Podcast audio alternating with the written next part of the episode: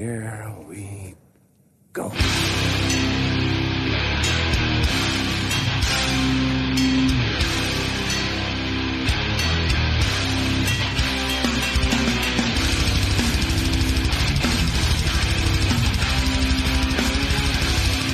Sådär då, Mirapenal avsnitt 133. 133. Jag, Daniel Nätterdal, sitter här med David. Tyvärr ingen Robin. Nej. Vi kommer köra en liten Örebro-special här eh, i väntan på, på Robin. Ska snacka om Sorts Productions. Kanske okänt för många, men som har släppt en jävla massa kul grejer och gjort jäkligt mycket viktigt och bra för Örebros i- Under jävligt musikliv. lång tid också. Från 89 kommer vi komma fram till eh, under intervjun med Tobba. Lite feedback från förra gången, har vi något kul? Eh, Bara lite di- diskussion om eh, de olika banden som Robin tipsade om sist. Eh, men vi har fått feedback i finaste form i brevlådan. Nytt fanzine från Kiruna. Det sinar ju fan aldrig med fanzinskapandet där uppifrån. Den här gången är det Krustkirk, antar jag att det uttalas. Krustkirk eventuellt. Nummer två, ett sin som handlar om kärnvapenkrig. Eh, och där, Specifikt. Ja, det här har ju lite att göra med att eh, psykopaten Donald Trump inte bara har skrotat alla miljöavtal, utan nu också rivit upp alla nedrustningsavtal och att världen aldrig har stått närmare randen för kärnvapenkrig än vad den gör just nu. Den globala domedagsbarometern är nu ställd till bara sekunder innan undergången. Eh, och det här är samma perso person som ligger bakom 90-tals pastischfanzinet Firestorm som var jävligt fett, Diuretic-fanzinet och eh, Kiss and Pavet som beskrivs som det riktiga fanzinet. Eh, så det finns ju jävligt mycket att kolla upp. Även New Wave-bandet Communist Youth League som har en compilation tape ute. Eh, nytt i pipen är Sparkpunks Forever. Ett fanzine om sparkstöttingkultur. Ja, men sånt som man chillar med i Norrland. Vad fan, du är ju från Norrland. Sparkstötting, har du inte åkt spark? Jaha, ja, okej. Eh, finns att kolla upp på Krustkirkfanzine at riseup.net om man vill klacka. Klart läsvärt, trots det aningen dystra budskapet. Har någon meddelat Mobb 47 än? Att det är dags att rösta ner. Att det är kärnvapenattack på gång? Eh, vi har lite hänt i veckan också. Kul som vi fick inskickat. Royal Arms Tattoo slash Tidens Tempo vinylpunkbutik i Stockholm. Det förenar, förenar två av ens största nöjen kan man ju säga. Och det här är Dadde från en jävla massa band som har styrt upp. Hoppas kunna göra ett besök inom kort. Uh, sen såg jag att det var en reissue på gång. Step Forward, Demos 89-90 på Refuse Records. Det är det. Jag kallar det väl för polskt någon gång av misstag. Eh, det verkar vara slut redan på preordern, men det finns att köpa från Monument Distron. Jag är lite taggad. Sen har vi ju ännu en vecka med nya bortgångar. Gång, ny vecka med nya bortgångar från eh, hardcore-scenen. Först ut var väl Pierre Kestip från Naked Reagan och eh, Pegboy, eh, som tragiskt har lämnat oss. Jag såg för bara någon vecka sedan hade Pegboy annonserat en 30-årsspelning. Två av de här banden ligger mig jävligt varmt om hjärtat och jag är ett stort fan av den här typen av Chicago-punk. Jag har alltid trott att Naked Reagan var någon typ av type of negative metal. Jag Okej. har aldrig lyssnat på det. Det är svinbra. Ja, alltså, jag har gjort det nu. Det är ju, ja, coolt. Eh, De har ju så extremt fula omslag så jag har liksom Men det ser metal ratat dem i det längsta. Ja, ja. Alltså, jag, jag har alltid vetat att det har varit ett punkband. Jag har bara tänkt att det har varit, alltså typ, sämre av det sämsta Doctor Strange rec punk. Men det är skitbra, skitbra. Eh, sen... Eh, Ska vi passa på att presentera en gäst som sitter mitt emot oss? Eller? Och spoila vad vi ska prata om nästa vecka. Ja, vi kan ju säga att vi, vi sitter här för första gången med ett pre-preparations-möte inför kommande Misfits special. Ja, men det kommer ju bli episkt. Det ska bli trevligt att få medverka i denna magnifika podd igen och snacka om Misfits, detta legendariska band. Det känns som att du gillar Pegboy. Eh, ja, det stämmer. De är ju svinbra. Jag såg ju gamla så här 401 skate-filmer cirkulera ofta eh, där, så att, eh, jag gillar också dem, Chicago-punken. Eh, jävligt bra faktiskt. Så nästa podd som ska släppas på Halloween är det tänkt kommer vara dedikerad till ett av världens bästa band. kan man säga. De är med där. Eh, I toppen. Annan tragisk bortgång, Jake Crockett från Pressure Release. Pressure Release, eh, New York Straight Edge Band som vi snackade om senast i New Breed-avsnittet. Eh, som är ett personligt favoritband till mig från den eran. Ett av de tidiga New Age Records-släppen och jag tycker det de gjorde en magisk sjua och en jävligt grym demo. Så ä- ännu en, en person ur hardcore-scenen som har försvunnit alldeles för tidigt. Eh, sen såg jag, det är inte supernytt, men här för någon vecka sedan så släppte ju coola Knives Out Records eh, Picture Die Cut release på Hasta la Muerte med Chibalba, deras eh, klassiska tunggungsplatta. Eh, vi väntar ju fortfarande på den nya Steel Nation releasen som ska komma på Knives Out. Fan var det inte år sedan vi pratade om det? Jo, det var i april tror jag de började snacka om den. Den har fortfarande inte kommit. Coolt bolag dock. Som fan. Eh, nytt som är i pipen ska, ska släppas mid-oktober. Det är ju typ nu.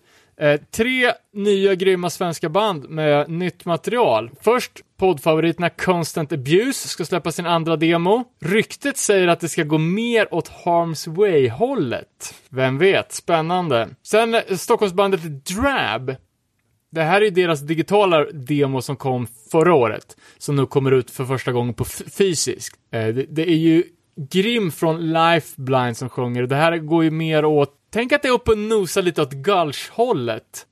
Typ Grottman med lite black-influenser nästan. Svincoolt.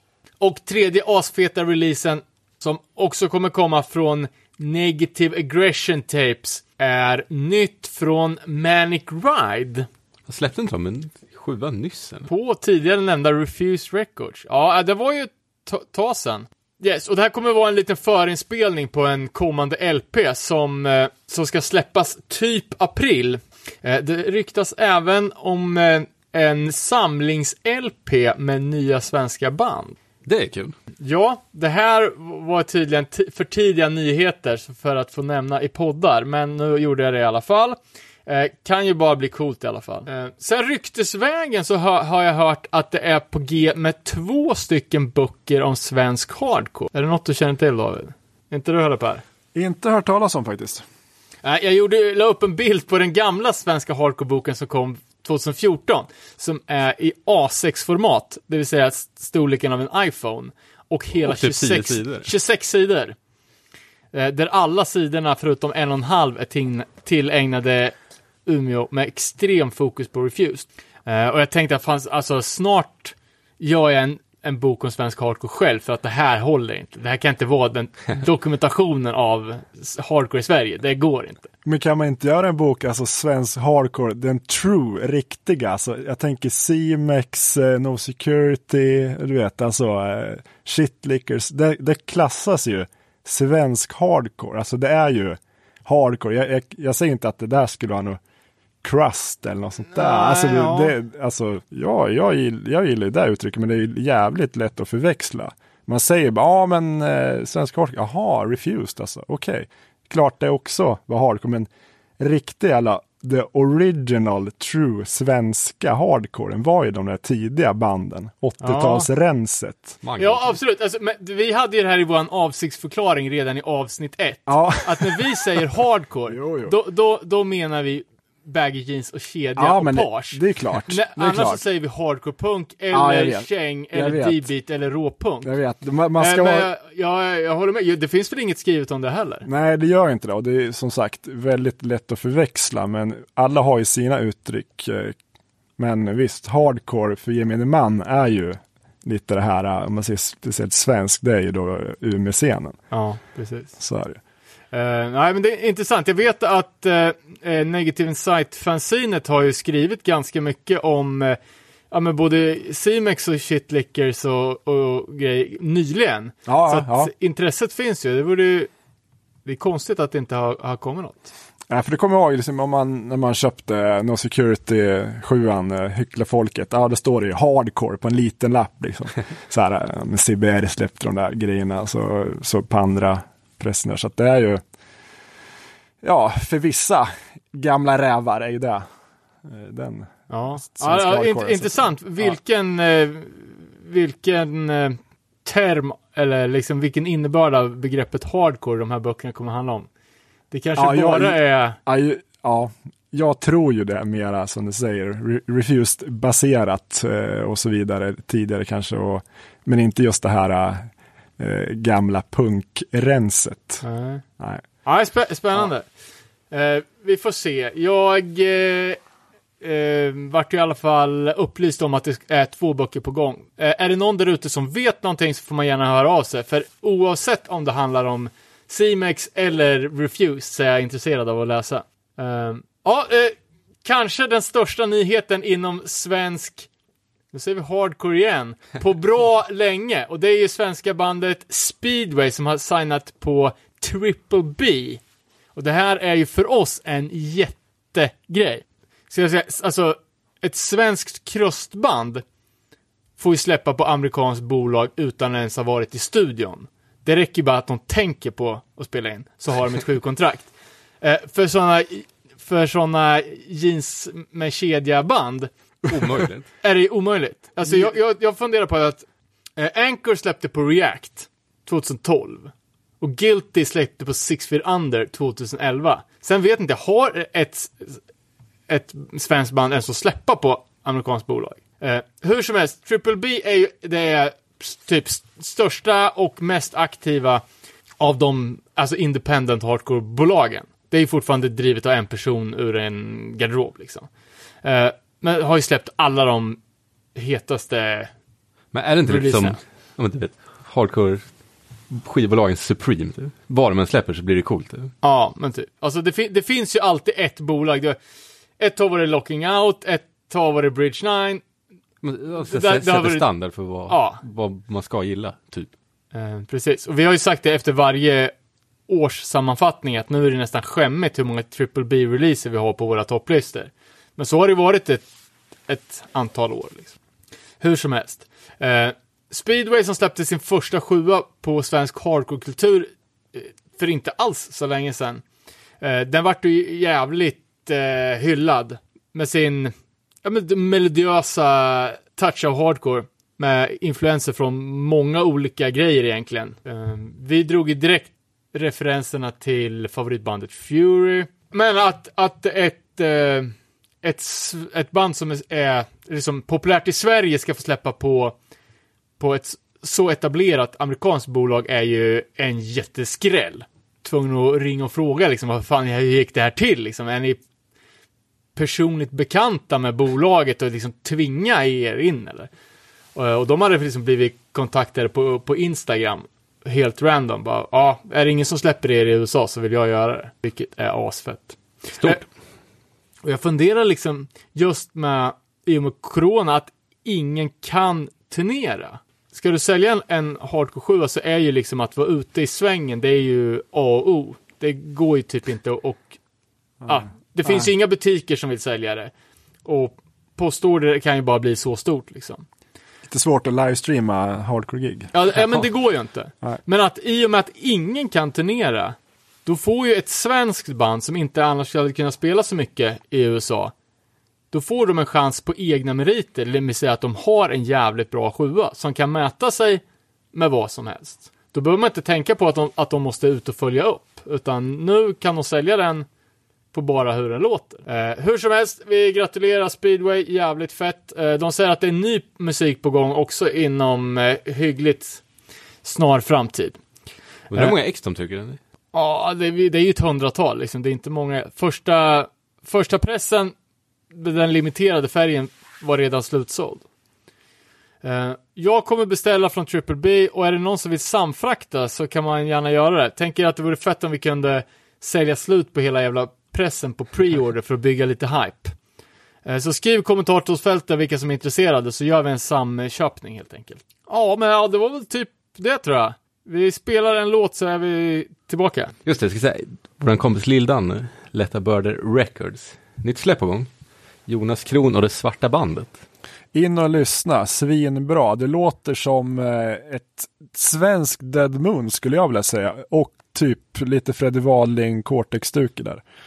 Eh, Stökig punkt. Stökigt, jävligt energiskt. Ångestdrivet. Ja, det är svart På kan man svenska. säga. Exakt. Så eh, in på lätta bördor. Köp. Riktigt bra. Releaseparty på fredag. Just det. Lördag. På lördag. Slutsålt också. Releaseparty på lördag. Slutsålt. Det kan ändå inte gå. Nej, men eh, det var länge som var på eh, gig så det ska bli trevligt. Nu kör vi låt, så kommer vi tillbaka med Sorch Production.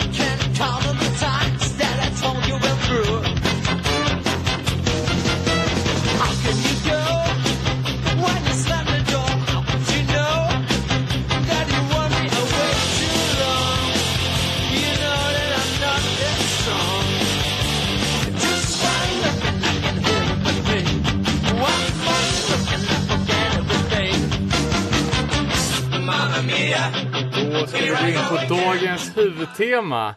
Sorts Productions. Och med oss i studion, ärad gäst, mannen bakom hela rasket, Tobba Andersson. Välkommen. Hej. Tack så mycket. Spännande att vara här. Eh, Det här är ju för, för säkert för de flesta lite av en eh, doldis. Men som örebroare så hade det ju varit tjänstefel att ha en punkpodcast och inte ta upp Sorts. Eh, Efter mer än 20 år i Örebro-scenen, 70 höftar jag, releaser i bagaget och år av klubbar, gigs och andra coola grejer. Släppt mycket bra lokalt, men även ryska och amerikanska prylar. Eh, så vi tänkte vi skulle ta och beta lite i katalogen, highlighta några feta släpp och snacka lite om många av de coola gigsen du har bokat här i stan. Rakt på den, vad, berätta lite snabbt om din musikaliska bakgrund. Ehm, ja, jag vet inte riktigt. Det är ju mer garageigt kanske. Det, när jag kom hit så tänkte jag ju mest HC när jag tänker på er. Uh, sådär. Men jag började spela garage för jättelänge sedan. Ehm, jag är jättedålig på år, år, årtal sådär. Så att det är lite luddigt kring Men snackar vi 60-tal eller 2011? Ja, inte riktigt. Jag har ju fortfarande Giving Music a Bad Name since 1989. Så där har jag faktiskt en, en fast punkt, att jag vet att Sorts finns sedan 1989. Um, ehm, och um, den, ehm, alltså hela Sorts-karusellen startade väl för att uh, när vi hade band som hette Spades, först var det Sorts men um, som, som, var, som blev Spades sen. Och eh, då behövde vi helt enkelt ha lite vita inkomster och behövde skicka fakturer. Så då blev det Sorts Productions som blev ett, ett bokningsbolag kan man väl säga. Eller typ ett bolag för bandet. Kom ur ett behov, låter ju jävligt klyschigt att säga, men därifrån är det. Det är, det är ju så det funkar i DIY-träsket. Mm. Som man aldrig riktigt kommer ur, utan trampar och trampar och trampar. Men Spades då, det, det känns som att det, jag vet inte om jag har hört, men jag har sett dem på åtskilliga affischer tillsammans med Millencolin typ 92. Ja, Millencolin har faktiskt spelat förband till Spades. Ehm, det, där slutar min musikaliska karriär. Det var där du peakade. Ja, exakt. Eh, vad har du lirat i mer förband då? Nej, sen har det väl varit PB Funky måste jag väl få promota eftersom vi jag hittade en PB Fonke skiva här någonstans i, i eh, förrådet. Och ehm, eh, sen Toto Illos Ritardos eh, är eh, ju nästan det senaste. Sen har jag ett projekt till som är helt elektroniskt som inte riktigt finns något namn på tillsammans med Ture från Accidents. Om du vet vem han är. Legendarisk ökänd skräckperson. Ja, du har ju faktiskt släppt en sjua med Accident. Jag hoppas vi kan komma in på dem lite senare. Våran dröm är ju att kunna göra en Accidents special en dag. Men eh, flera band i flera olika genrer. Eh, PB Funky står ju på, på Discogs som någonting slash hiphop, stämmer det? Ja, det kan det nog göra. Det är svensk rap eh, på någon slags bottennivå innan det var hippt med, eller ja, just det fanns väl kanske. Det här är också länge sedan, det är ju jävligt länge sedan. Ehm, Rappar du eller? vad? ja, exakt. Eh, av någon anledning, jag tror det var att jag, eller tror, det var för att jag lyssnade på Beastie Boys. Då tyckte jag, fan vad coolt, måste vi göra något sånt här. Eh, men det roliga med att det är live, alltså det är inte någonting samplat, utan det var ett band som var uppåt 12 medlemmar när vi var som mest. Så det var liksom en grund. Så varje spelning visste man inte om det kom tre pers eller om det skulle komma 12 pers. Så att, Svårt man ska bestämma vilken turnébuss man ja, fast det var kul också. Men jag tror inte jag har hört det här heller, men jag kommer ihåg att vi tyckte att det var jävligt keff i alla fall. Ja, kids. det kommer du fortfarande att tycka när du lyssnar på. Eh, ja, men det, det, måste, det, måste vi, det måste vi spela en liten, liten snutt. Eh, Los Retardos då? Uh, åter lite tillbaks till gamla Spades, tror jag, uh, faktiskt. Räkan från Spades var med, um, eller är med. Bandet finns ju fast vi inte har spelat, vi har inte repat nu på något år. Sådär. Så det är rätt slamrigt, garageigt, um, ehm, eller inte 77-punk, näst, eller lite Dead Kennedys ibland kanske, jag vet inte. Gammalt, helt enkelt. Gubbigt. För många av de grejerna, alltså det är ju ganska många släpp som tangerar eh, genren actionrock. Eh, sen är det ju mycket, mycket garage relaterat, ja men garage punk crossover. Vart skulle du säga att du har liksom hjärtat om du måste välja en folla? Det där är ju jättesvårt att svara på.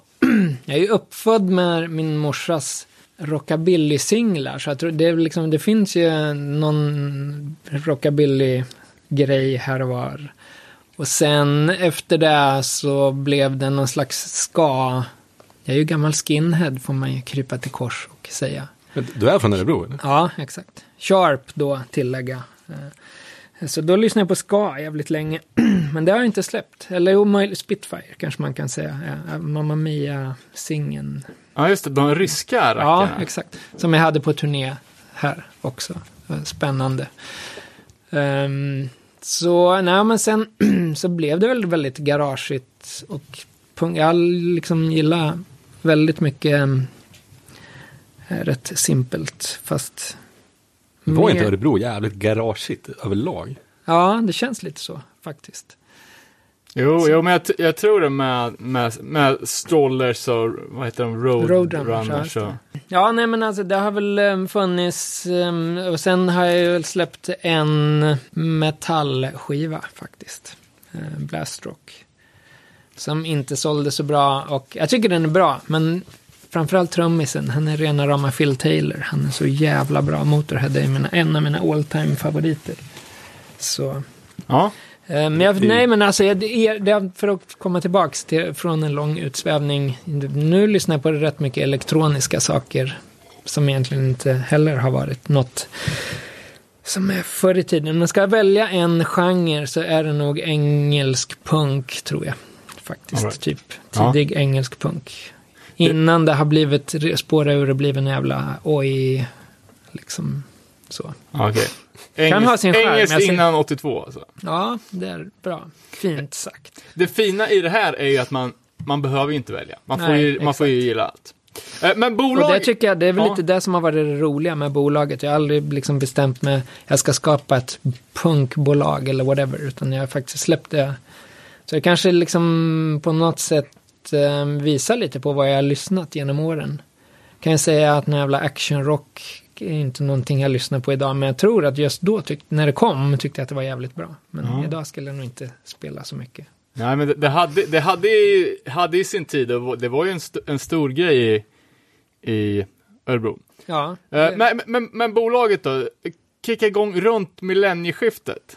nej. Eh, 80 med släpp. Det är ju släpp sen 89. Det släpps sen nästan. Ja, 89. för sen kom, jag släppte en samlingsskiva som första. Och den är ju någonstans eh, där. Vilket format jobbar man med då? Eh, då var det CD. Eh, men det... Jag fan CD 89, det Ja. såklart. Sen släppte jag ju tidigt en sing, alltså det som kom in rätt tidigt, det var ju Mudda var ju med på det som hette Swinging Singles Club. Just det. Där Norrsken, det är egentligen en Swinging Single som jag släppt sort Chig, men på Swinging Single-label. är det. Under etikett, ja. Ja, ja det var ju det. var ju en, eh, en fin era med en ganska bra strik av, Mm, av släpp. För den Spitfire som vi pratade om där, ryska, det var ju också en swinging single faktiskt. Och så har vi ju La- Herr Larsson, eh, Fredriks band som hette... Atomångest. Nej, fast det var ju lustigt. Där har vi också en Burning, Heart, Burning Heart koppling. Cosmopolish, för i helvete. Jaha. Jävla minne. Fan, det visste jag inte om. Nej, det är poppigt, värre. Men det hade nog aldrig blivit av kanske om inte Mudda hade varit inblandad och att det var Burning, eller så, kontorskopplingen helt enkelt. Men jag kan tänka att ett bolag som har lite för spretig katalog, att det kan vara lite svårjobbat. Eh, många bolag är ju så jävla nischade för att man vet vad man får om man köper en Epitaph eller en Helen of Oi singel. Ja, absolut. Och det, jag nämnde ju Blastrock där, där känns ju, metall var verkligen inte min, min grej så. Det var för sig att det säljer skitbra. Ja, Oavsett. Ja. Ja, exakt. Nej, men inte hjärtat och hjärtat. Jag tyckte de var jävligt bra och de var kul live och sådär. Men, man, ja, men som du säger, man har inte nätverket då kanske. Medan typ action rock-grejerna och sånt, det köpte ju både butiker och folk för att det stod svårt på tror jag.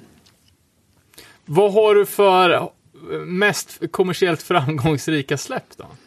Det är nog den, jo men det måste vara Skams tror jag som har sålt mest faktiskt. Och sen streamar nog bäst fortfarande också. Och det är väl Hundra år sedan är det för det första. eh, från Växjö va? Mm. Garagesmutspunk. Typ. Mm, Eh, jag har sett live någon gång, jävligt ösigt gäng. mm.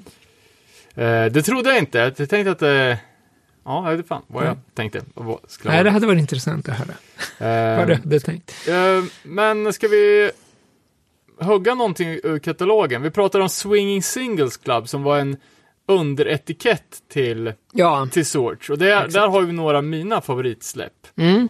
Kan börja från ja, vilken som helst egentligen. Mm. Mm, ja, men Spitfire kanske vi kan ta till exempel. Som ett ryskt. Ett ryskt Ska-band. skaband, exakt. Hur som- fan hittade du de här? Ja, jag tänker så det knakar. Ehm, jo, nej, men jag träffade dem faktiskt nere i Hultsfred, tror jag var första, första kontakten med dem. och det var också i något konstigt, vad fan det dyker upp Burning Heart hela tiden här, men det var någon Björn Dime. Kommer du ihåg Björn Dime? Nej, okej. Nej, det var någon release-grej med Björn Dime. Finns på kassett. Kolla, kanske till och med på Discogs. Ehm, och sen träffade jag de här ryssarna som låg fulla på en fotbollsplan. Så vi låg på vid mittpunkten och pratade om att vi skulle släppa en, någonting med dem. Och då kom de på att vi kan göra en ABBA-cover, vi är i Sverige. Så blev det så. Fan vad guld när någon som tar ett fyllesnack hela vägen till verklighet. Ja, det är faktiskt så. Jag skulle, Varför gjorde den sen sublabel? vad sa du? Varför det blev så? Ja. Det vet jag inte. Det var nog Mudda och jag som kom på att vi, ja, men det är roligare, då kan vi ha... Eh, Sorts var ju inte genrebaserat så, men liksom att då kan man ta liksom det som en egen liten grej emellan. Och sen började, alltså den första var ju Cosmopolish. Som var Ja, det känner jag inte till. Vad var det då? Nej, det var Larssons um, um, ett projekt han hade. Kommer inte riktigt ihåg vilka som var med mer faktiskt. I det bandet. Sen var det liksom poppigt väldigt mycket, men det var inte Millencolin Millencolin, utan det var poppigt helt enkelt. Right. På ett mer amerikanskt pop-sätt. Ehm, och då, jag tror det var så vi började. Så, ja, men det, det går inte på Swatch helt enkelt. Utan det får bli en annan. Och sen fortsätter den där Swinging Singles Club. Och tanken från början var ju att vi skulle ha egentligen en prenumerationstjänst. Du skulle få en singel varannan månad eller... Ja. Ja, för den grejen har vi snackat om fler, flera gånger. Mm. Nu sen, I förra avsnittet faktiskt. Eh, amerikanska skiv, skivbutikskedjan Amöba hade ju börjat med någon prenumerationstjänst. Mm. Men att det aldrig har funkat. Nej, jag tror, och sub, jag, nu, jag, ska, jag vet inte riktigt, som vanligt med minnet, om det till och med heter Swinging Singles Club. Men Sub Pop hade ju också ett Ah, okej. tag för länge sedan. Och den tror jag höll på och gick rätt så bra. Men, All right. Ja, det låter ju som att det borde ha funkat rent Mm. Victory Records, Hardcore-bolaget, hade ju också en Swinging Singles Club. Ja, okej. eh, och släppte väl kanske sex releaser de med. Ja, ja. Ehm, Eller inte NoFX på med något sånt där också? Ja, de hade ju Single of the Month Club. Och NoFX är ju också ett helt absurt band att sälja skivor och ha fanbase alltså. Ja, Eh, Det är ett, det är ett annat avsnitt som vi redan har ja gjort. exakt. Men den, det senaste släppet tycker jag var rätt så bra faktiskt. Den, Ditch Effort va? Eller? eh, med, vad heter han, Engels, ehm, engelska Frank Turner. Ja, okej. Okej. Tyckte jag. Frank det kanske inte var det Overdrive. sista. Men, Eh, på, på vad? ehm, eh, NoFX, han? ja, Okej, ja du vet, det släpps, det släpps för mycket mm, grejer. exakt. Eh, Okej, ja så vad heter de nu då? Cosmopolish? Mm, exakt. Kostar två dollar på Discogs. så Ja. Oj, Eh, vi har ju Ja, det- en annan Swinging Singles sjua. som är lite dyrare. som är lite det det dyrare. vi ska prata om? Ja, Norrsken som ju blev en väldigt spännande och kul, eh, kul släpp. Eh, jag tyckte väl, eller så, jag tyckte, men ja, återigen där, det var också sånt där, jag skulle inte ha släppt det på Sorts, men det, det, den, det är ju den dyra, absolut dyraste Sorts-släppet som finns.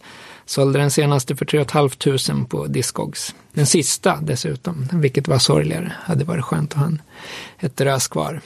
Och det här var ju ett Örebroband som i min värld var typ först med att göra sån Black Sabbath psychedelic retro musik, eller? Ja, i Sverige menar du? Eller? Ja, jag vet Eller, inte. Jo, ja, jo. Ja, i och för sig, de kanske var rätt. Jag är verkligen ingen metal, stoner eller någonting så kunnare, men jag, det kanske de var. eh, Så. Men de var ju tidiga, väldigt Ja, tidiga. kommer ihåg, alltså, och det de roliga är ja. nu, på tal om retro och sådana, eller så, att det blir hippt. Jonas Gardell håller på att spela in sin eh, fortsättningen på, vad heter den, Torka inga tårar. Och där pitchade vi nästan in Norrsken. För han Okej. ville ha någonting, det skulle vara, det utspelar sig på 70-talet. Under hans barndom. Men till slut ville han ha Sabbat. Det, skulle, det fick inte vara nyinspelat, det skulle vara äkta från Ah, den tiden. okej. Så. Annars Jag trodde du skulle säga att Jonas Gardell hade ett stonerband. det det kanske går att tala med honom, vad vet jag. Han var ju här om, här om veckan här i Örebro. Eh, för för eh, Norrsken, eller Norsken som de hette bland mina kompisar. Eh, de spelar ju, de hade ju släppt en eller två kassettdemos innan, något år innan, men när den här skivan kom så var det ju, det var ju lite av en bomb måste jag säga. Man hade ju aldrig sett något så coolt. Alltså vi var ju många av mina polare, vi var ju gamla metalheads som gick över till att lyssna på punk och hardcore. Men de här körde ju liksom fullt ut liksom. De hade ju sina särkar på sig, såg ut som något, ja men något som man aldrig hade sett förut. Något man, allt man inte gillar, jävla hippie-skit.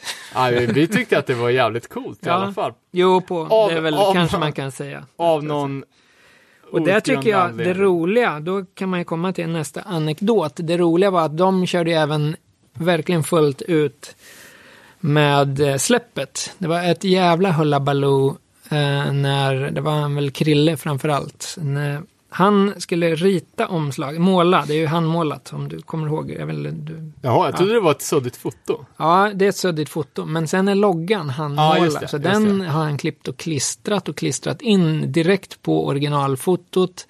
Och baksidan är ju några medaljonger och grejer och handkluddad text. Eh, Och det var skitviktigt att det fick inte digitaliseras, jag fick inte skanna det. Utan det skulle skannas analogt i en gammal skanner. För annars så ville han inte släppa det. Då var han så där, nej, får fan inte släppa det. Om det inte blir analogt hela vägen. Eh, Nice. Så det där var ett riktigt, det var så faktiskt. Men sen vet jag, minns inte hur jag lyckades få det till, eller om jag ljög eller höll käften om eh, datten. Deras rullband blev ju faktiskt en datt först innan det skickades för press. Men sålde den bra redan från början? Mm, Ja, nej, eller nej, den har nog varit så det hade liksom tickat på lite. Ehm, så. Sen har det ju blivit hypat. På något, men det är väl genom Witchcraft tror jag. Eller så det kommit senare och sen har liksom folk börjat rota. De, sen, de som jag sa, som jag sålt så jävla dyrt på Discogs, det är ju japaner som har lyckats luska reda på det där. Att, Precis, för Norrsken var ju då, det var ju föregångaren till band som är svinstora i dagsläget, typ Witchcraft, Graveyard, Troubled Horse, Dead Man, Winchester Widowmaker och så vidare och så vidare och så vidare. Eh, och alltså, det är ju nästan, mm, för mig är det i alla fall ett Örebro-sound. mm, kanske är lite Örebros Göteborg-sound. ja. Ja, ja. Tycker jag i alla fall. Väldigt bra.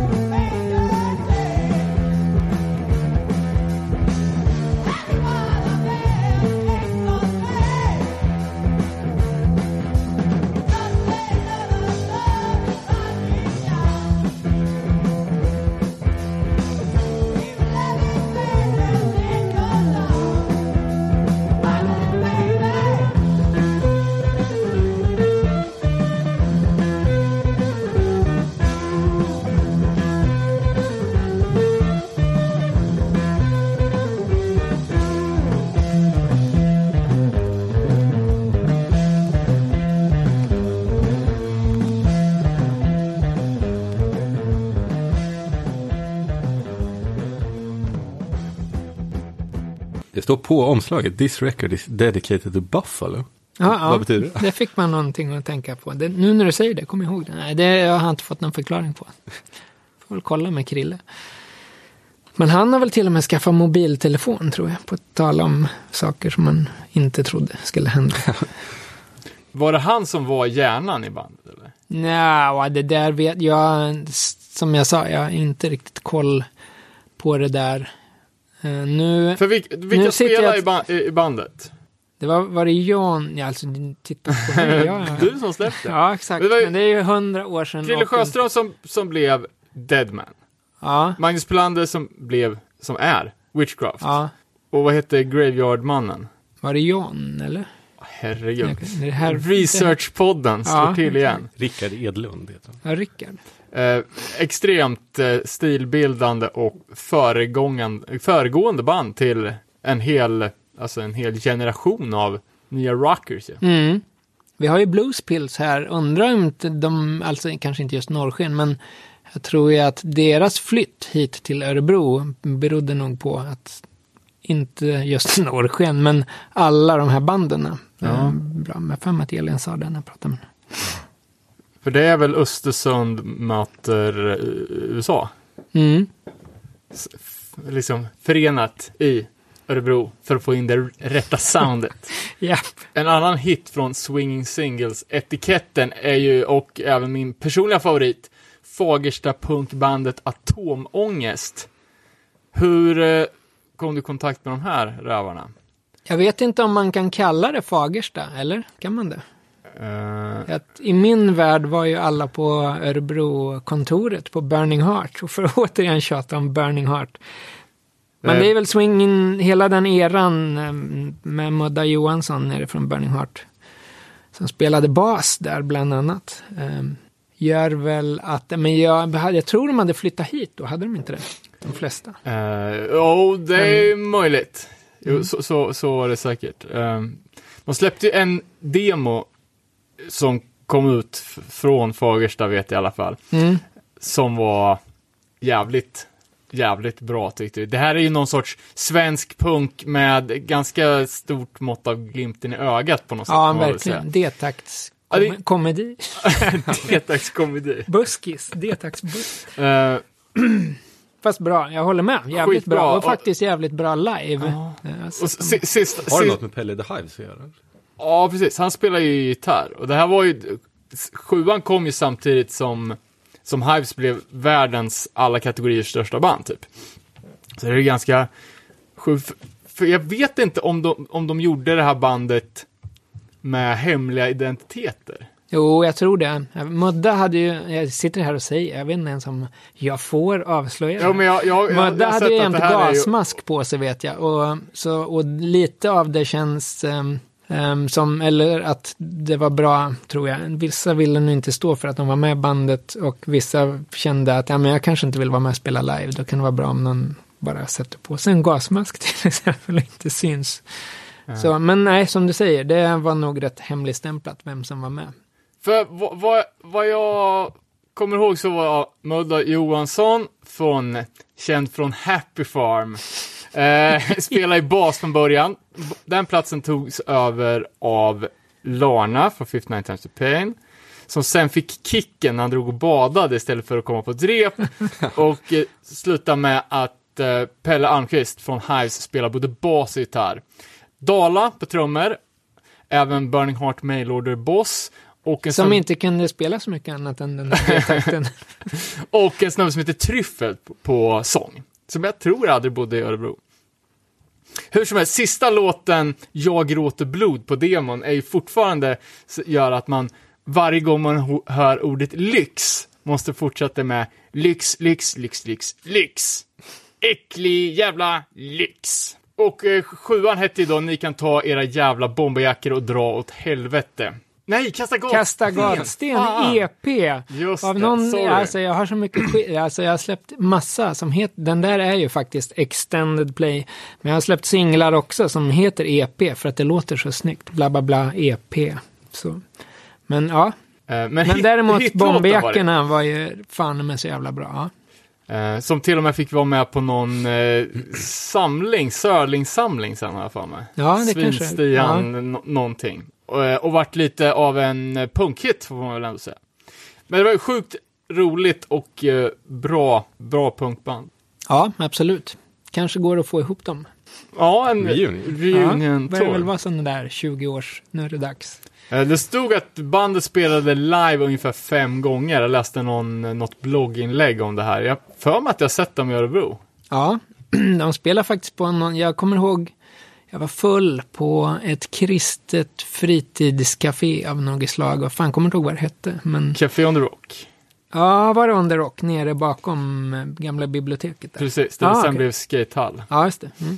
Ehm, ja, men sen körde de något mer här i Örebro, men jag minns faktiskt inte riktigt. Jo, Kontan, de körde fan på Kontan. Det var nog release till och med, tror jag, för själva EPn. Hotell Continental ska vi väl tillägga, det bland annat Clash. Nej, Clash körde på Stora Hotellet. Men många stora band har spelat genom åren. Clash på Stora Hotellet var innan din tid gissar.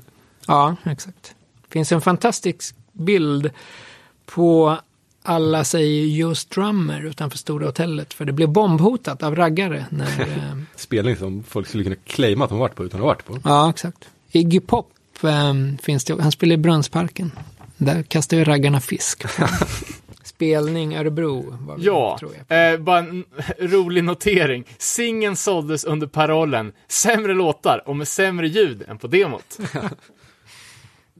eh, hur blev mottagandet på den här? Tyckte folk att det var fett? Och var det, var det någon craze eftersom det var Hives-medlemmar? Nej, det, alltså Hives kändes ju lite sådär som... Det var inte någon stor succé på det sättet. Och, och sen vet jag inte riktigt hur... hur det var inte så att man mjölkade det i marknadsföring heller. Nej men sånt där Pelle brukar ju faktiskt- spridas. Ja, i och för sig.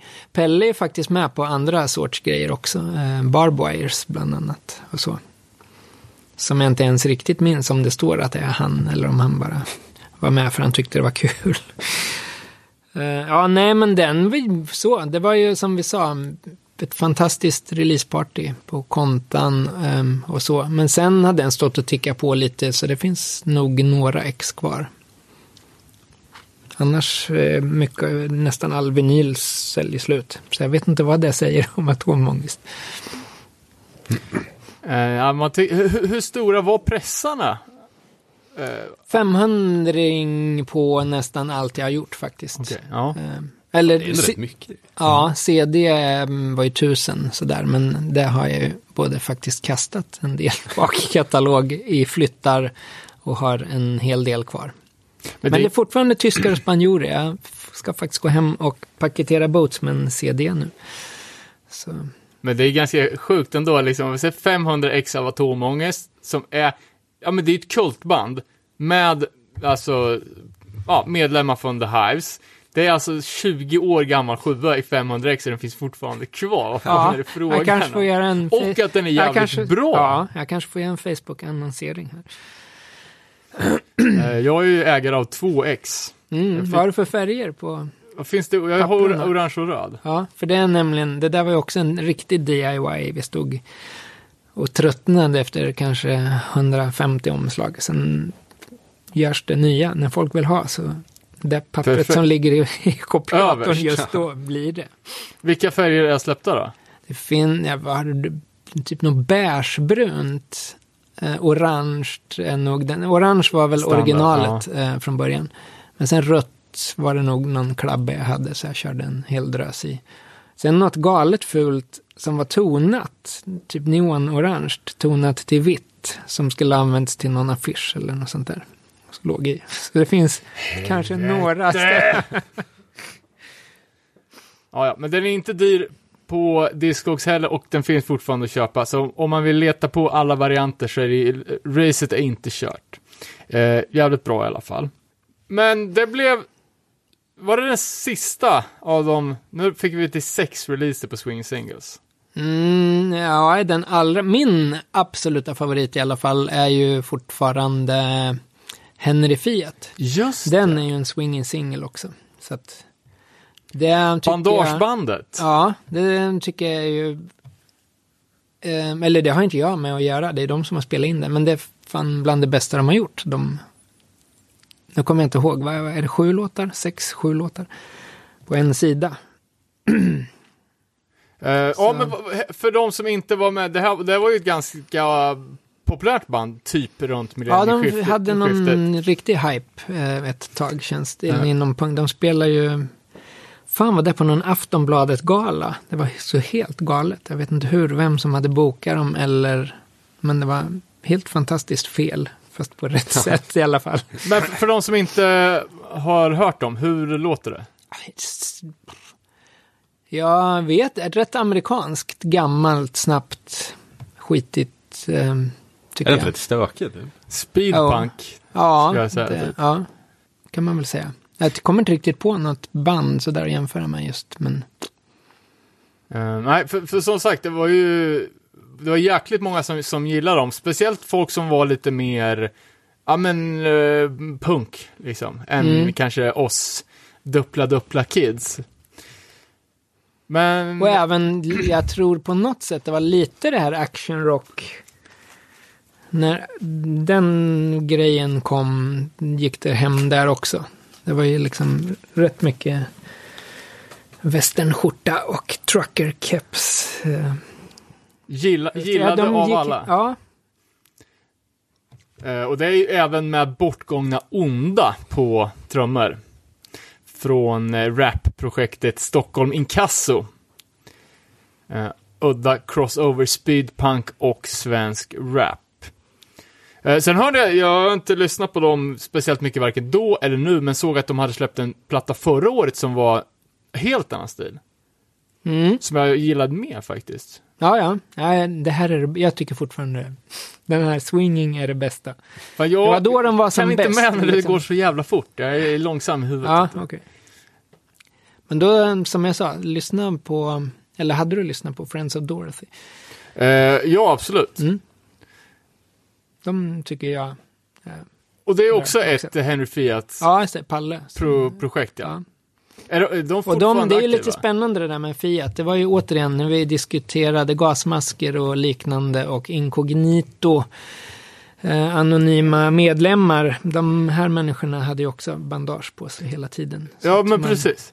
Eh, Vet. Jag kan ju, det finns ju fler kända svenska band som har björnmasker och sånt på sig och sådär. Och det är ju spännande det där. Det kan ju... ja, men fan, hur, eh, hur kommer det sig att det funkar? Mm, fan. Ghost, Onkel Konkel, alltså alla har ju... Det känns som att det skulle vara Slipknot superpajigt. Mm. Eh, men ändå så verkar det ju gå hem. Ja, nu, jag vet inte riktigt. För det där är ju bara en, en kul idé. Sen är det ett helvete att leva upp till det. Ja, det mm, var det verkligen med Fiat. Deras jävla För de köper mask- ju inte nya bandage Nej, exakt. varje från början höll de ju på att linda in sig, kommer jag ihåg. Men sen gjorde de ju masker med fina små cardboard-spännen och det var jättelyxigt. Men har du spelat, vad vet jag, 180 spelningar i de där, det är inte så jävla trevligt till slut. Det är ju, fan de, när vi körde den här releasen, på tal om kontan, Hotel Continental igen, det är liksom återkommer mycket. Det känns ju som det var på något sätt där mycket um, av um, releaserna och sånt som jag gjorde Ja. eh, hände.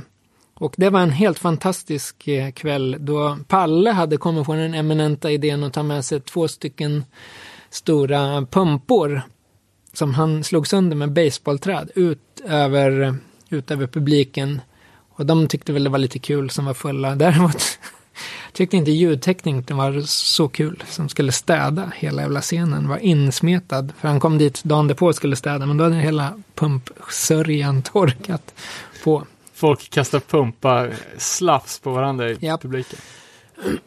Då, um, jag tror det kan ha varit samma, samma kväll när Räkan, eh, som jag sa förut, som jag spelade med Spades-Räkan, um, spelade DJ och eh, då hade de en, eh, ett EQ till DJ-utrustningen för det var egentligen ett dansgolv det där som någon ljudtekniker hade roddat med i tio timmar för att få det rätta ljudet. Men han, det, av någon anledning hade de placerat det bakom DJen i båset. Så eftersom räkan jämt var så full så brukar han somna stående. Men den här gången så somnade han och lutade sig över EQ-reglerna och drog ner allting till noll helt enkelt. Så det, var en, det blev ett fantastiskt ljud den kvällen. Eh, Men snacka om releasepartyn, så för var det inte så att man fick med skivan Jo, i och det dörren? kan- och det är ju ja. fantastiskt. Och det är ju liksom en, en av de stora grejerna som gjorde förr i tiden så gick det ju nästan att köra break-even på ett releaseparty. För då var det ju så, kom det 150 pers eller något sånt där, då kände man, eller så, då, då, var, var man i hamn ekonomiskt. Så det funkar inte riktigt nu för tiden, varken ekonomiskt eller Lagligt. lagligt. Eller att någon krögare är intresserad. Det är liksom ett jävla tråkigt. Jag skulle kunna sitta en timme och diskutera alla ställen som jag har kört på här i Örebro. Det har varit jättemycket bra, men är liksom den eran tror jag är förbi när krögare tycker att det är bra och kul med udda livemusik, om man nu ska kalla det udda livemusik, men inte trubadur eller etablerade band. Men hur, eh, hur fick du ihop den här dealsen med just krögarna? Du, du fick... Du, eh, eller hade du klubb och kunde göra som du ville? Eller Ja, förhandlade du det nej. Just då körde jag så mycket så då är väl som allting annat, har man lite av ett namn så gick det att säga hej hej, kan jag köra här? Ja, bra. Och så fick man göra, men det det, hel- det gick ut på, det är ju inget snack om saken att krögare har väl alltid jobbat mycket svart. De sket ju i dörren, det var väl liksom, ja ja, whatever, ställ dig i dörren, ta pengarna. Vilket inte går idag. Jag förstår. Eh. och, och du sa ju redan inledningsvis att du gjorde bolaget eh, vitt. Mm. För det känns ju också som eh, en liten eh, grej som gör att man inte kan driva runt ett DIY-bolag. Nej, Om man det- ska göra det per papper. Nej, exakt. Och sen är det ju tråkigt med, eller så, vinylen blir ju inte billigare att göra. Det är ju, Ja, jävlar vad dyrt det är. mm. Och tidsmässigt känns det, jag vet inte riktigt nu, men liksom ibland med de, man måste, då på den tiden skicka ju oftast till Tjeckien. Och då fick man ju skivorna på två veckor. Ja. Från att man skickade så kom det oftast med etiketten på fel sida eller något annat. Men det var svinbilligt och gick svinsnabbt. Och så. För vi har ju diskuterat om 7-tums-singelns död. Mm. I och med att det kostar i princip lika mycket att göra en sjua som en tolva. Men du kan bara sälja den för en bråkdel. Ja, vad har du för uppfattning? Ja men vi, jag, jag, eller jag, jag jag så är av den uppfattningen Ja, att det inte kommer bli några mer sjuor. Men vad, vad tycker du folk kan ge för en... Vad har ni för riktpris någonstans? Så, Man tänker att det ska kosta 50, men det är ju Ja, snarare det är 70 inte det. kanske. Ja. ja.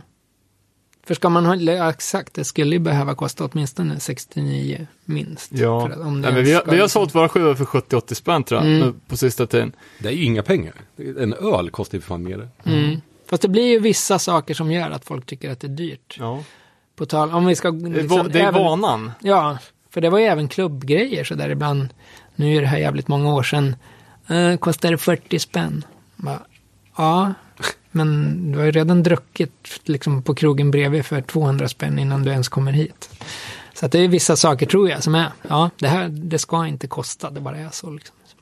Nej, Nej, det, det, som är, det som är så jävla tråkigt är att sure, du kan, du kan göra en, en, en LP och ha ändå ganska bra marginaler om man, om man jobbar lite ekonomiskt liksom. Men pro, problemet är ju nu att om du ska posta skiten, Mm. eftersom det inte finns några skivaffärer typ, så måste du posta dem direkt och då är du ju helt, upp, helt plötsligt uppe i minst 250 spänn för en LP och då är det fan lite väl pricey, Ja, tycker jag absolut. som är snål. Nu har det, det har ju ändrat sig lite nu, men det vet jag har haft problem med folk i utlandet som tror att man lurar dem när man säger det kostar så här mycket med svensk porto. Ja. Att, Nej, det kan inte kosta så mycket. Jo, det kostar faktiskt typ 150 spänn att skicka en skiva. Men är inte standardpriset på en ny LP är ju typ 200, minst 250?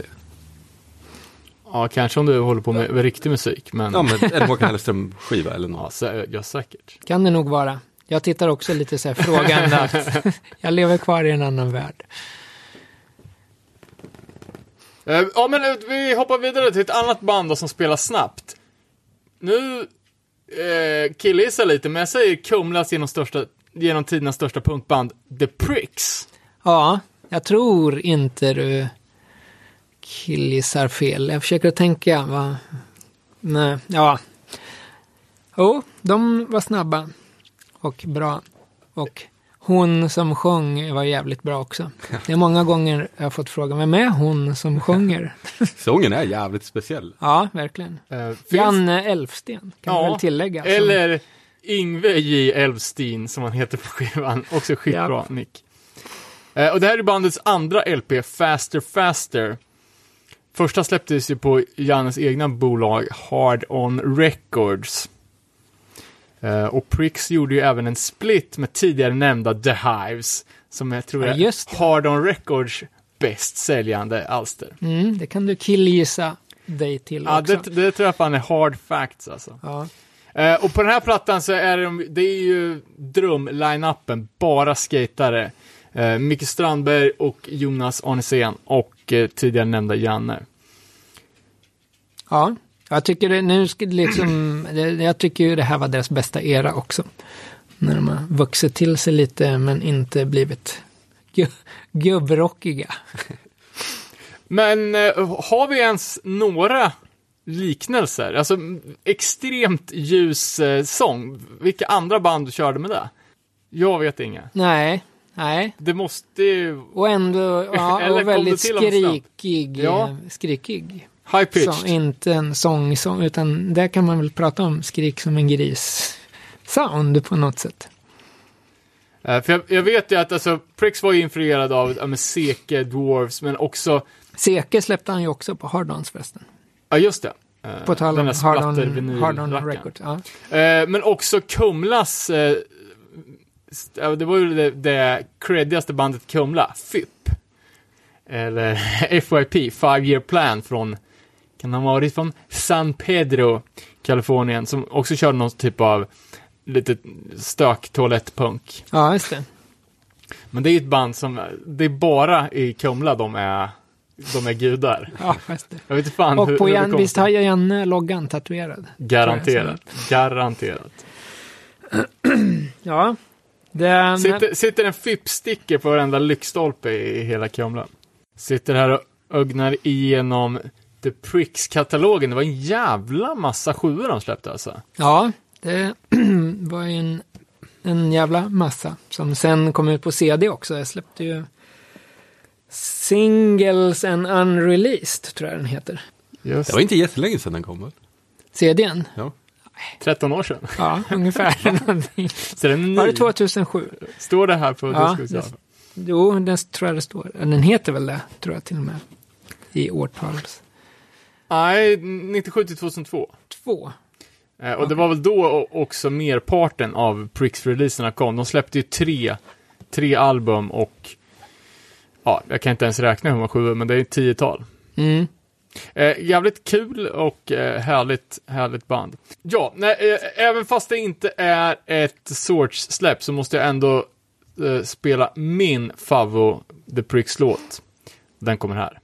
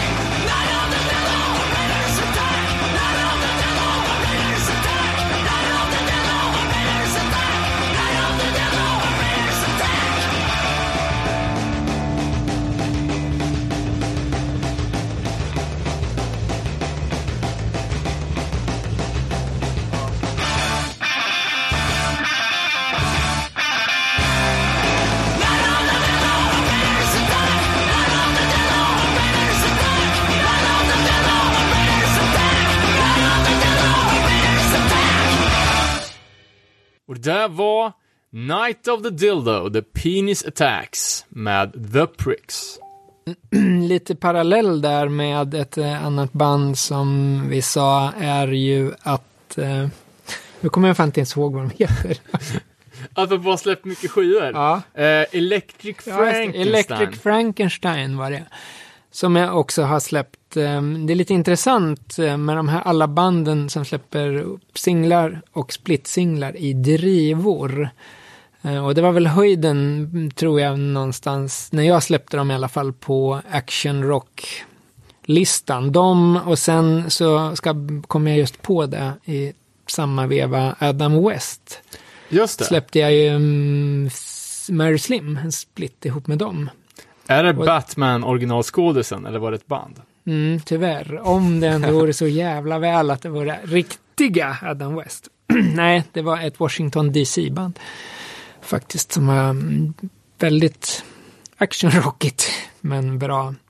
Och Men de hur, var också hur fan sånt... fick du tag på de här amerikanska, alltså på en ändå jävligt underground label? Eller Ja. jag det? Det, men jag tror det är lite det där, det var där liksom jag skulle komma in. Även Adam West, de var ju sådana, de släppte ju liksom åt höger och vänster.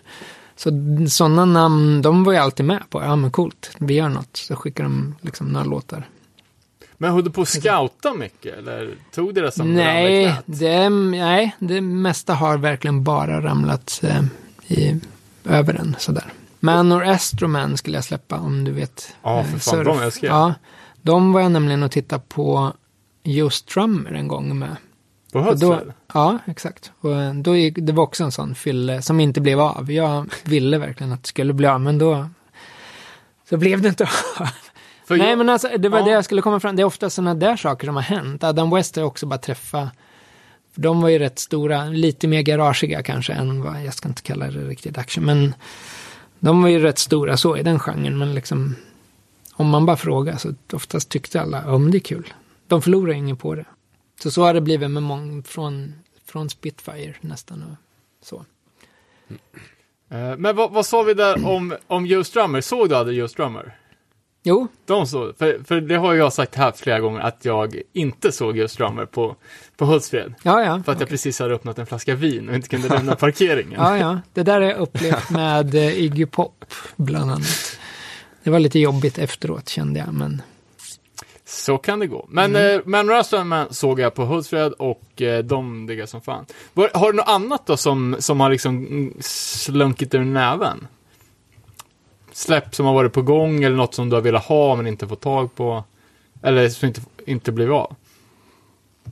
nej. Det tror jag. Jag har ju alltid velat, fast jag har aldrig ens försökt, men jag har ju sagt någon gång att den dagen jag, Henry Rollins, när jag får Henry Rollins till Club Sword ska jag sluta med Club Sword. Men det gjorde jag ju ändå, utan att ha fått hit. Jag tror faktiskt Henry vore jävligt kul. Jag skulle ju fan vilja ha en spoken word vinylsläpp med honom. Men som jag sa, det är ingenting som har liksom slunkit med näven, men det är nog ett sånt drömsläpp. Har du jag skulle- försökt? Nej, det är det som är grejen. Nu, det kanske ska bli ett. Efter Nej. det här går jag hem och försöker. Ja, för jag, jag, jag tror jag har åtminstone nio Henry Word, Henry Word, Henry Rollins Spoken Word CDs. Men Mm. har han ens gjort dem på vinyl? Ja, Ja, jag vet inte alla. Jag tror jag har tre på Okej, vinyl. ja. att- Rackarns, jag tänkte annars, där fanns det ju kanske en, ja, just det. En, En, eh, reissue. ja, exakt. Eller, ja, just det. Ett oplöjt fält. Ja, nej men det är faktiskt lite spännande. Jag planerar att jag har ju några sådär som eh, jag eventuellt ska göra spoken word-saker med. Okej. Hur fan Det- tror du, tror du det funkar rent ekonomiskt då? Ingen aning, det kanske inte funkar eftersom jag inte förstått varför ingen har spoken word-labels nu. Även online, liksom, även streaming så här, liksom, titta på... Men är inte det podcaster? Typ. Ja, fast en, att nu pratar jag kanske lite mer att man gör det i någon st- mer strukturerad form. Eller så, poetry kanske. Jag vet inte. Mm. Men ehm, jag har ingen aning faktiskt. Men det, jag, i min värld tror jag det, det borde väl funka. Men det kanske är så att det inte gör det eftersom ingen, då borde någon ha gjort det innan. Men det hör nog ihop. Jag gillar texter så jävla mycket. Så att mm, numera känns det nu skriver jag aldrig låtar till exempel, nu skriver jag bara texter nu för tiden. Så därför kände jag också, vad fan ska jag börja ge ut folk som pratar bara. Ja. Ja, alltså det är ju det Men det är grymt ju- att lyssna på, men ja. det känns fan svårarbetat alltså. Ja, exakt. Det, ja. Det, och, Men det har ju du aldrig brytt om förut, så att... Nej, det får man väl säga. Men det är ju jävligt, som du säger, det är extremt, nej, men jag lyssnar nästan bara på P1. Jag skulle vilja ha alla deras eh, utlandskorrespondenter att göra liksom spoken word om musiken i de olika länderna. Men då blir man ju sådär, ja men det blir det inte för då är det ju en podd. Då ska de ju sitta och prata liksom. Ja. Så, men Ja, det finns ju, alltså, det finns ju så jävla mycket coola grejer man skulle kunna göra om man bara, om man bara tog sig kragen och, och, och gjorde det. mm, Ja, Absolut. fan hoppas att du, eh, du får till det. Det skulle ju vara, det skulle ingå i kontraktet med public service. Är du utlandskåre så får du göra en, ja. liksom, vad fan, ja men jag ja tror... D-beat-scenen i Ghana liksom. Ja. Det ska ingå, den ska in på, på måndag. Liksom. Japp.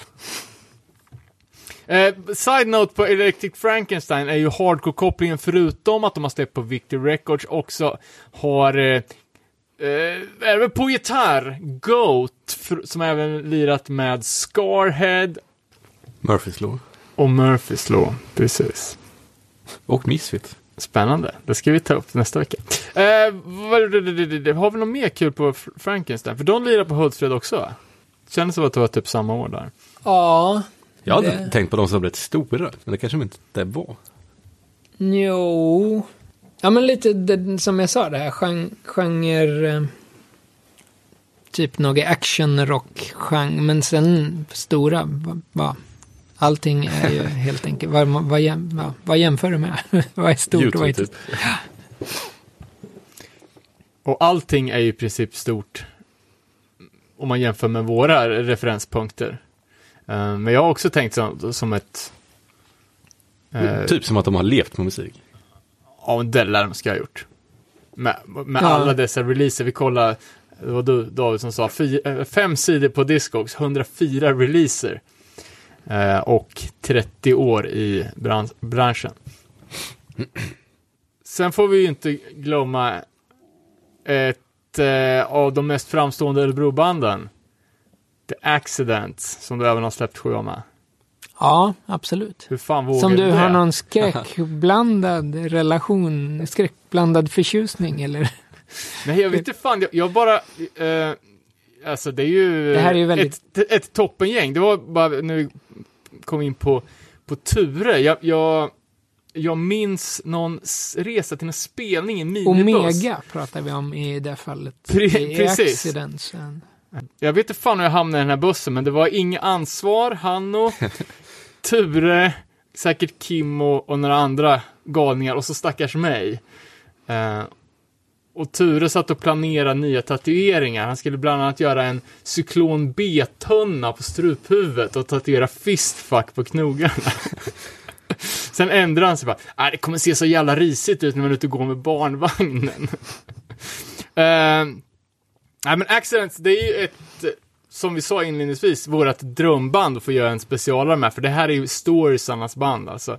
De måste ju ha levt den ultimata, det ultimata rocklivet, fast på en liksom lite lägre nivå kanske. Ja, det var väl det som egentligen var problemet. Kanske att de aldrig tog sig till nästa nivå.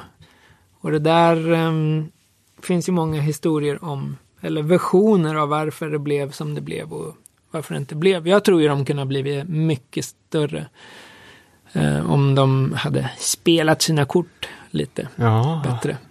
Ja, för låtmaterialet har de ju, de är, alltså det är ganska viktigt ändå att man har en, en, ja, låt oss kalla det för gimmick, liksom, men någon typ av grafisk profil i alla fall. Mm. Och det, jag tycker ja, att de har, de har det mesta. Men inget ordningssinne. Det kanske Kan var det då. Man hade, du- kunde du inte gått in och tagit lite manage, managerrollen då? Nej, det, eller de hade ju folk som skötte det. Och som var på samma nivå som de själva. Jag tror faktiskt det var så för att nu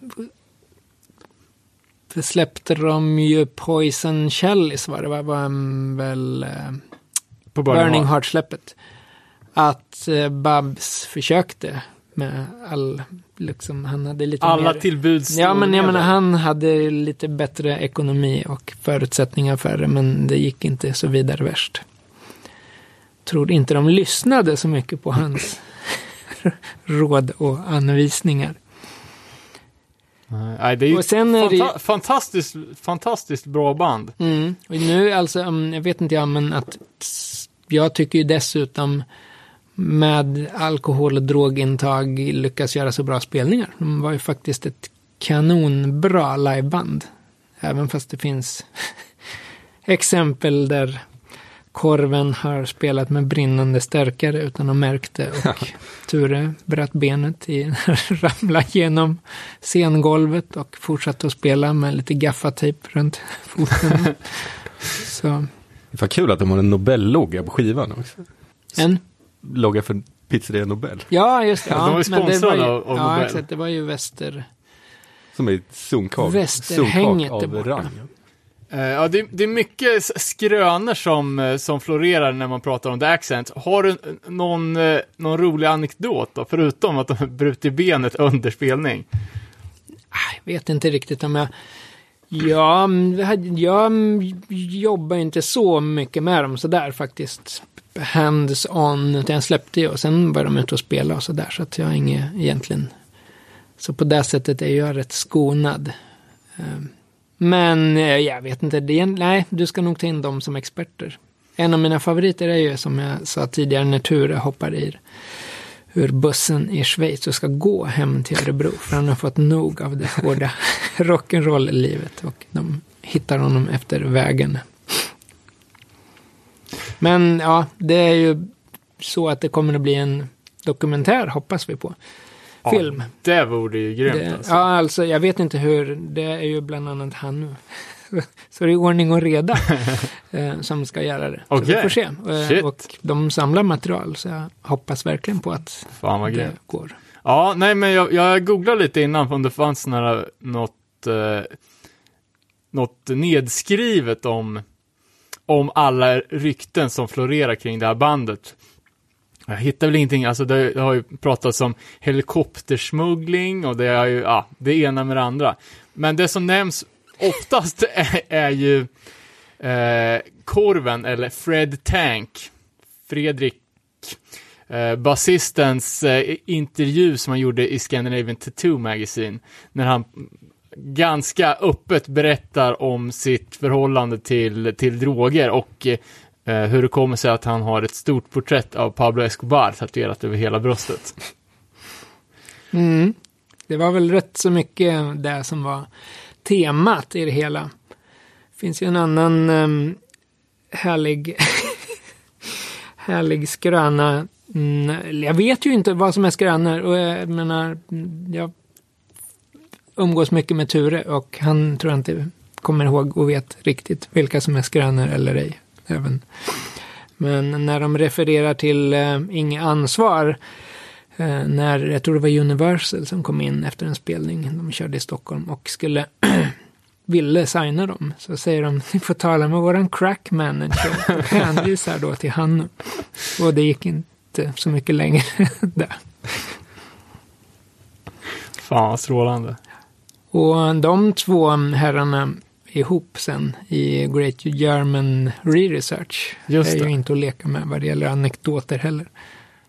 Nej, fan det här kanske vi kan, Det finns nog lite att lirka ja, bena ut. Yes, och tyvärr blev vi tvungna att klippa bort den här lite barnförbjudna accident storyn. Men det var, var mycket bra och det finns ju mycket, mycket i arkivet. Eh, Hot Hot City heter sjuan som du släppte. Finns den kvar att köpa eller? Ja, några, väldigt få. Jag, jag har lagt ut den på Discogs, så att den finns nog. Jag tror inte den finns på någon distribution. Jag har ju bytt lite distributör och så, men den, jag är tror... det 500x också? eller? Ja, exakt ja. Har, har du någon Det- webbshop eller? Nej, inte, sån. eller nej, eller jo, jag har nog en. Fast inte, inte så där som förr i tiden, då körde jag till och med distribution ett tag så. Men nu har jag uppe lite gamla, eller gamla, äh, Krösus-skivorna ligger uppe. Just det. Krösus är någon från... Det är ju Patrik Alves. Patrik som Alve, säger. ja, just ja. Eh, hur, fan, hur är det att jobba med honom då? Det är kul. det är kul. Eh, Ja, så, ja. fett. Nej, nej, för det är ju en extremt fascinerande människa. Det är ju fan också, tror jag, Ett unikum. ett jag vi unikum och den personen som jag listade som drömgäst den här podden, så du kanske kan koppla Ja, ihop ja, oss. det kan, ja, absolut, inga Kan jag problem. rekommendera? Det finns någon YouTube-serie när vi pratar... Det handlar typ om skivsamlare. När han är med, det är jävligt kul. Mm. Mycket reggae dock. Eller ska. Ja, han är ju jätte, jättebra på det där. Hans Swedish Tiger Sound är ju grymt om vi nu ska prata om Arves Ja. För han- gör ju versatila musiksmak. Han alla gör, ja, exakt. Och det jag tyckte var roligt med Krösus ehm, är ju att det är lite tillbaks till gamla hardcore. Men det är inte en upprepning utan han har ju faktiskt gjort något helt, eller de, det är ju hela bandet, det är ju inte bara han. Vilka är de andra då? Uh, Det är bara han ja, helt exakt. Eh, men hur, hur kom du i kontakt med, med Mr. Krösus då? Den var faktiskt, jag tror, vi gick, vi var på Sami. Vi träffades på Sami av alla jävla ställen. Vad är eller? Sven, svenska artister och musikers intresseorganisation står det för va? De tar hand om eh, rättigheter och ersättning för när du har varit med och spelat in på en skiva. Sånt där ska kunna som rinnande vatten. Ehm, så då, och då höll vi på att diskutera lite olika saker. Då var han bara så där förbegående. Jag frågade om jag inte ville släppa det på Swatch. Kände ni varandra sedan tidigare? Nej, bara sådär att man, eller träffats spon, sporadiskt, inte Ja. spontant, sporadiskt. Och hur, hur är, för han har, eller han, nu säger jag han igen. Eh, två LPs i bagaget, eller finns det något mer? Nej, eller det finns en grön, eller en grön, omslaget är grönt. Det finns en sjua Okej, som var... Ah, får ni eh, titta på Discogs igen. ja, är. Linköping. Nej, men den, är jävligt bra. Den är helt annorlunda. Den Okej. gjorde han med Imperial Bill som sjöng, eh, som inte sjunger numera. Som är väldigt, helt elektronisk annorlunda. Okej. Jävligt- Också jävligt skoj. Eh, men är, det är Krösus 1 och Krösus 2, heter de. Mm, exakt. Eh, och den senaste är inte alls gammal, det kan vara förra årets. Nej, det, tiden går fort. Är det inte tre, två, tre år sedan? Okej. Jag skulle inte ha spelat i Örebro nyss. Känns som det. Jo, just det. De var ju, det var ju Swedish Tiger Sound, Les Big Bird och Krösus um, för, förra året Ja. på Kulturhuset. Ja, Mm. var det inte eh, efter... Jo, ölbrygg, brew, ölbrew, ja just det. Exakt. Eh, ja, men det är ju coolt och jävligt relevant. eh, för det är fortfarande aktivt projekt. Ja, exakt. Eh, vad har du mer som är, som är nutid då? Ehm, den senaste är ju Bottle Cap från Göteborg. Vilket är lite lustigt när vi pratar om action rock. Det är lite åt det hållet till, fast ändå rätt punkigt sådär. Och Rättens krater för tusan hakar. Just det. Det är ju en Bergslagens finest. Eh, Med eh, folk, eh, Hellman från Bruket som sjunger bland annat. Kittan från Prison Riot. Numera. Ja, På basen. Eh, ja, men det är ju, det är ju ett, ett som är lite spännande. Ja, exakt. Eh, Om man ska gå tillbaks till vad det nu var. Jo, svensk. Jag tänkte lite på norrsken. Svensk. Jag har inte gett ut mycket med svenska texter. Okej, efter en liten teknisk kollaps, jag hoppas att Robin kan klippa ihop det här på ett snyggt sätt. Vi snackar Rättens krater, Fagerstas finest. Eh, nej, men det, det är ju ett jävligt bra band från jävligt kreativt gäng. Det, det var ju lite andra projekt igång med samma folk. Mm. Ehm, eller de har på gång. Jag har inte. Nej, men nej. Men nej, du sa precis. kanske dem. Ehm, Socialstyrelsen är fantastiskt eh, gammalt synt, old school synt, nästan lite Allan, eller inte suicide-stuk på. Riktigt, Okej. riktigt jättebra. Sen gillar jag Hellman och Härden också, som ni nämnde här tidigare. Ja, det är också fett. Vi såg en liten stympad version av eh, Hellman och härden i, här i Örebro i slutet på februari. Mm. Eh, Flummigt kan ju ja, rätt ord för att beskriva det. Alltså. Ja, jag tror goda Herman hade, hade ont i halsen så han mimade ju till sitt eget gig. Men det var, det var bra. Det var coolt. Eh, och Rättens krater är väl, jag vet inte fan, ska man kalla det för postpunk eller? Ja, det är väl i brist på annat ett bra Det är ett uttryck. jävla epitet som man slänger på allting som man Ja, inte det har, har blivit väldigt, väldigt brett. Just. Ehm, ja, nej men det kan det väl vara, tycker jag. Jag tycker han är genialisk. Jag älskar texten, eller det är musikaliskt jättebra också. Men han skriver ju grymt bra texter.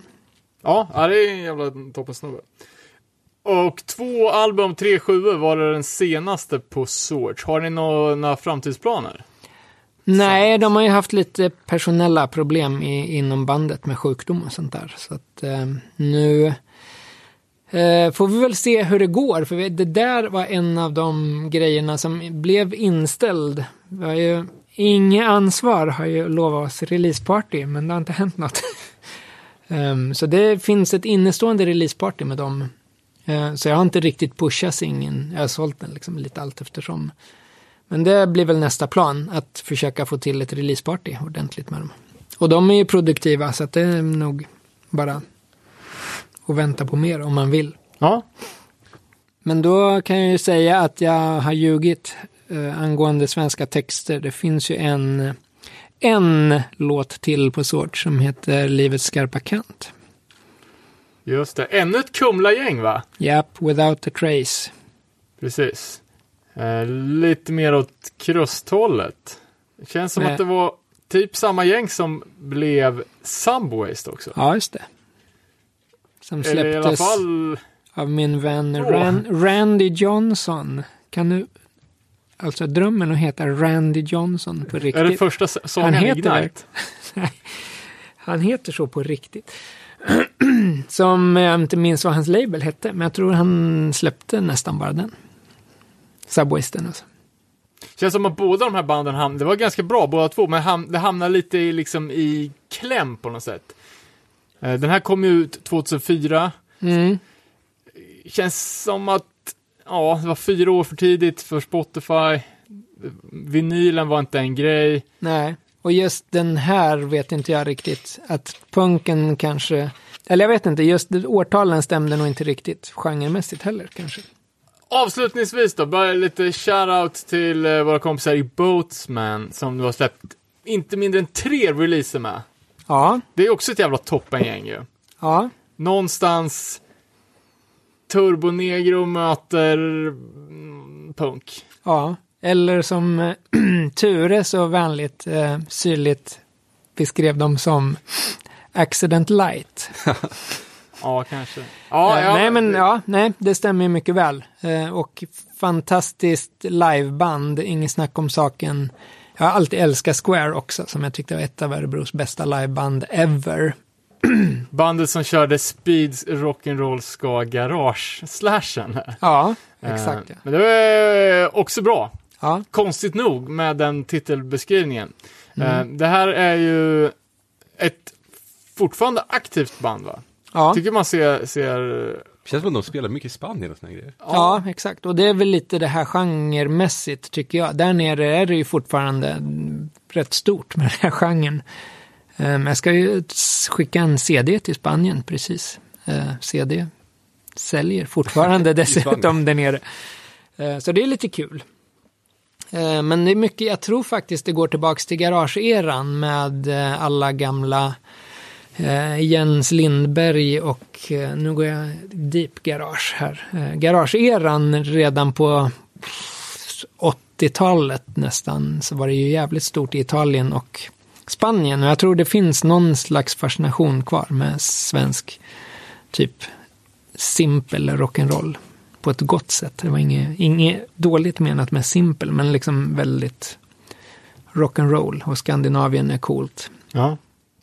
De gör det jävligt bra också, så det är ju, Håkan är ju fantastisk frontman och de gör det ju med stil och finess tycker jag. Ja, absolut. Och det är Det skulle ju lätt kunna bli pajigt, men det blir inte riktigt det. Nej men de gör, det- de gör det, Det bra. inte- Det, är, det, är, det så jävla ösigt. Ja, det, är, då det kommer man, inte- det kommer man långt på. Det Alltså. är inte många som klarar av att stå på knä på en bardisk och spela gitarrsolo och det faktiskt känns, som du säger, inte pajigt utan Nej. att det funkar. Eh, vad, har, har, vi något, har vi något mer som vi har glömt bort? Något viktigt? Nej, det mm, tycker jag väl vi har fått med det mesta. Eh, en av mina favoritanekdoter om spelningar, den kunde jag ju dra. Jag, faktiskt, från live tiden så hade jag något band som jag inte ens minns, ett amerikanskt band som var också rock'n'roll, rätt bra. Eh, så um, hade jag slut på cigaretter och hade stått och tiggt av trummisen i en halvtimme. Och vi diskuterade lite musik tills han eh, när, av någon anledning frågade mer. Vad, men har du något favoritband? Jag säger ja, men Cramps är nog ett av mina favoritband. Och det blir pinsam tystnad. Och det visar sig att det är Harry Drumdini, Cramps-trummisen, som jag har stått och tiggt sick av och vet inte om det och säger då att Cramps är mitt favoritband, fast jag inte visste om att det var han. Fick du någon cigg då?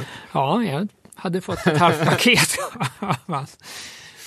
Ehm, så nej, men det, det är ett anekdotprogram tror jag ni kan göra om ta hit Ibbe från Satin får du höra hans, hans syn på vad som egentligen hände. Eh, ja, men vi har inte pratat så mycket om det. Att du också var gigbokare och hade massa klubbar. Eh, har du bara kort avslutningsvis, vad har du satt upp liksom? Det känns som att allt som hände i Örebro under en lång rad år hade du ett finger med i spelet. Mm. Eh, Livemässigt i alla fall. Ja, och det var nog samma sak där. Jag tror där var det väldigt bra timing. Ehm, att det fanns inte så mycket att göra så att det var väldigt lätt, lätt att få det att fungera. Och så, jag vet inte, har väl haft ett rätt bra kontaktnät. Så det har varit roligt. Det är ju till och med band som ville komma till Örebro och spela. I, ja, kanske inte framför Stockholm, men att de verkligen ringde och frågade om de fick spela. Ja. Nej, för det är så lätt att bli, bli bortskämd när det är så mycket bra gigs. Men det Ja, är någonting visst, man, man saknar som fan nu när det inte är någonting. Nej. Nej, det kommer ju aldrig, tror jag, att bli riktigt med streaming heller. Det var ju kul två veckor när coronan kom och kolla på streaming-gigs. Sen Ja, det Inte ens det. Nej. en vecka Jävla då. piss. Eh, ja, nej men uh, Club Sorts och sen Club Idiot framförallt. Ja, som var exakt. under många år. Hur, Ja. hur länge höll du på med det? Det var nog sex år tror jag. Vad har du för favoritbokningar från den tiden då? Vet inte riktigt. Monster var nog en av de bästa.